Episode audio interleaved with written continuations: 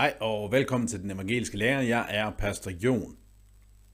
Denne video er igen ind øh, i serien omkring de gamle katerier, gamle katerier i nye klæder, hvor vi ser på nogle af de katerier, som man kæmpede med i urmenigheden og oldkirken, og, øh, og, øh, og prøve at se på også, er det også noget, vi ser stadigvæk øh, tegn på i vores moderne menigheder. Altså findes vranglæren stadigvæk, findes kategorierne stadigvæk, og hvordan skal vi forholde os til det? Den særlige vranglærer, vi skal se på i dag, er nikolaismen, eller øh, følgerne af den, nikolaiterne.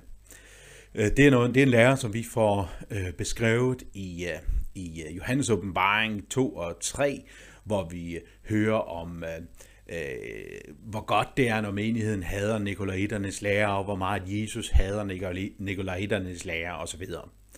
Der er et stort problem i forhold til den her vranglærer, og det er, at vi ved stort set intet om den.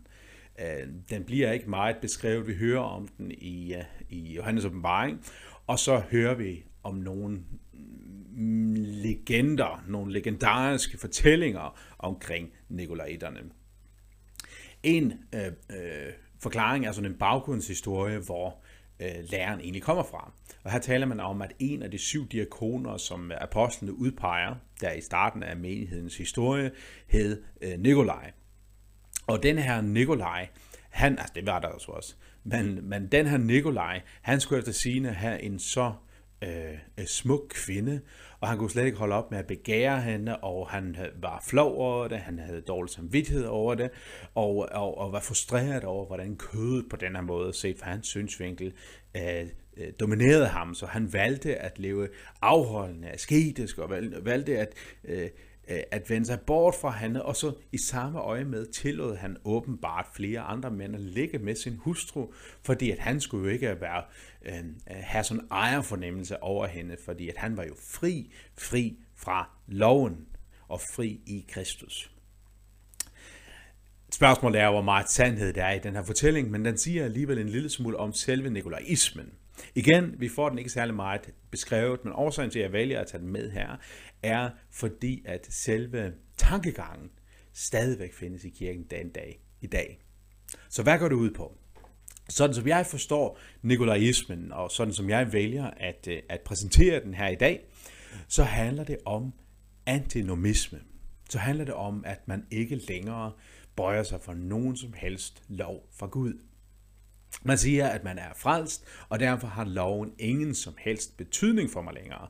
Jeg kan leve fuldstændig, som jeg har lyst til, fordi jeg er frelst alligevel. Lidt den her samme logik ligger der også bag.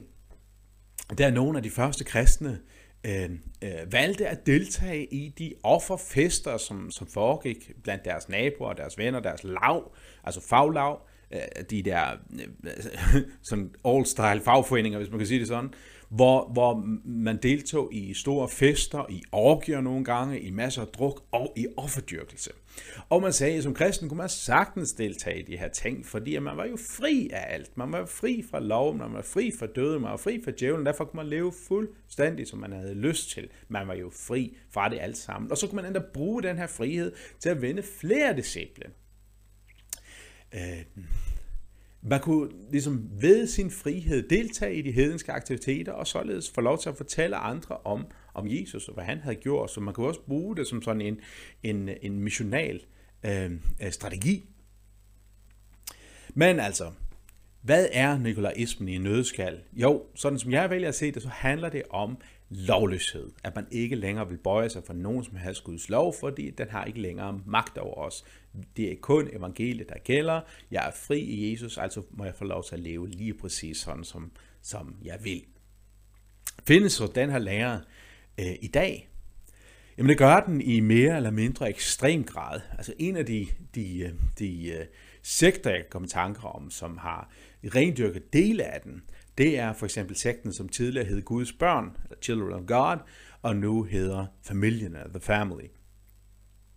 Her øh, havde man sådan meget, særligt i forhold til sex, havde man sådan en, en fri holdning til det. Fri sex, vi skal kunne dyrke sex med hinanden, selvom vi er gift eller ej, fordi at sex er Guds gave til mennesker. Så havde man så øh, andre ting, som har faktisk bøjet sig for, nogle, nogle øh, øh, en, en vis lovforståelse var der alligevel, men i hvert fald selv i forhold 6, der var der altså en stor frihed, eller er der en stor frihed. Sekten har ændret øh, syn hen ad vejen, og er øh, knapt så ekstremister, som der var før, så vidt jeg har forstået, men altså jeg er ikke nogen ekspert på, på den her lære. Men en anden tilgang, som måske er knap så ekstremistisk, i hvert fald øh, set i sådan sekterisk øje med, det er en, vi i den grad kan finde i Danmark, den her forståelse af, at der findes ikke en egentlig kristen moral. Vi i Bibelen kan vi tale om en jødisk lov, som vi er fri fra, og vi kan tale om et kristent evangelium, men der er ikke sådan set en kristen moral. Vi har forpligtelser over for hinanden, og der er en medmenneskelig moral, som vi skal forholde os til, og vi skal opføre os pænt over for andre, men en egentlig kristen moral kan vi ikke tale om. Jeg synes, at det er en farfuld, øh, øh, en farfuld holdning at have, forstået på den måde, at, øh, at her øh, kan man sådan lidt efter samfundets luner og, og hvad man føler for at ligesom bestemme, hvad den rigtige moral er. Moral bliver altså noget øh, flertalsbestemt på en eller anden måde. I hvert fald noget, øh, øh som, som vi for subjektiv bestemmelse. Og der er ikke en ydre kristen moral som sådan egentlig er det her også en form for nikolaisme, i hvert fald en form for antinomisme, som, øh, som ikke stemmer overens med skriften. Øh, tænk bare på, hvordan øh, Jesus selv argumenterer for de 10 bud, eller, eller Paulus har de her lastekataloger, hvordan vi skal leve, og hvad vi bør afholde os fra, osv. Alt sammen bort af Helligånden, en, en, en ånds øh, formaning. Og så ellers, så oplever vi også den her lære i sådan mere gense evangelisk kreds, evangeliske kreds, eller såkaldte bibeltro kredse, hvor man øh, reagerer meget kraftigt, hvis nogen taler om, at sådan skal du gøre, hvis du er kristen. Nej, vi skal ikke noget som helst, vi er frie, vi er sat frihed, du kan ikke bestemme, hvad vi skal.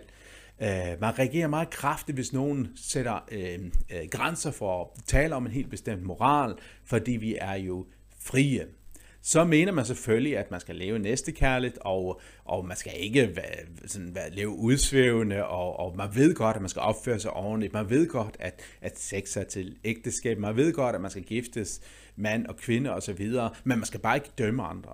Man skal ikke dømme andre, og derfor skal man ikke fortælle dem, hvordan de skal leve. Og et eller andet sted, så bliver det en form for nikolaisme, måske en light udgave, hvor man i hvert fald i praksis har sådan et syn på det, at det, som gælder det evangeliet og loven, har ikke nogen betydning for os. I hvert fald, hvis vi taler om lov, så er det, hvad vi føler, hvordan vi læser Bibelen, hvordan vi oplever, det skal være. Det her som forskellige grader af den her nikolaisme, og jeg indrømmer, at jeg tolker mere, end jeg har gjort det andre gange, fordi vi ved meget lidt om det. Men jeg har lyst til at tage den frem alligevel, fordi jeg oplever det som en lærer, der i den grad præger kristenheden i dag.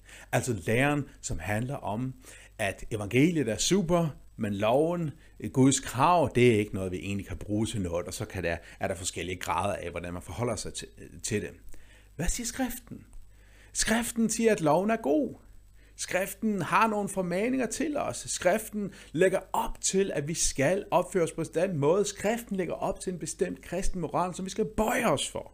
Bøje os for at blive frelst? Nej, men fordi vi er frelst fordi vi er døde i Kristus. Derfor skal vi også opstå med ham og leve et nyt liv. Det er pointen. Har vi så noget at bruge loven til? Gælder den moralske lov stadigvæk for os? Ja, den gør. Igen, ikke som en frelsesvej, men som de frelstes vej. Jeg håber, at du øh, blev lidt smule udfordret måske, og i hvert fald, at øh, du bliver styrket i troen på Jesus. Hold fanden højt. Øh, vi skal bekæmpe vranglærer. Ikke for at øh, ophøje os selv, ikke fordi vi skal vinde diskussioner, men simpelthen fordi det handler om evigheden. Tak for nu, og Gud velsigne dig.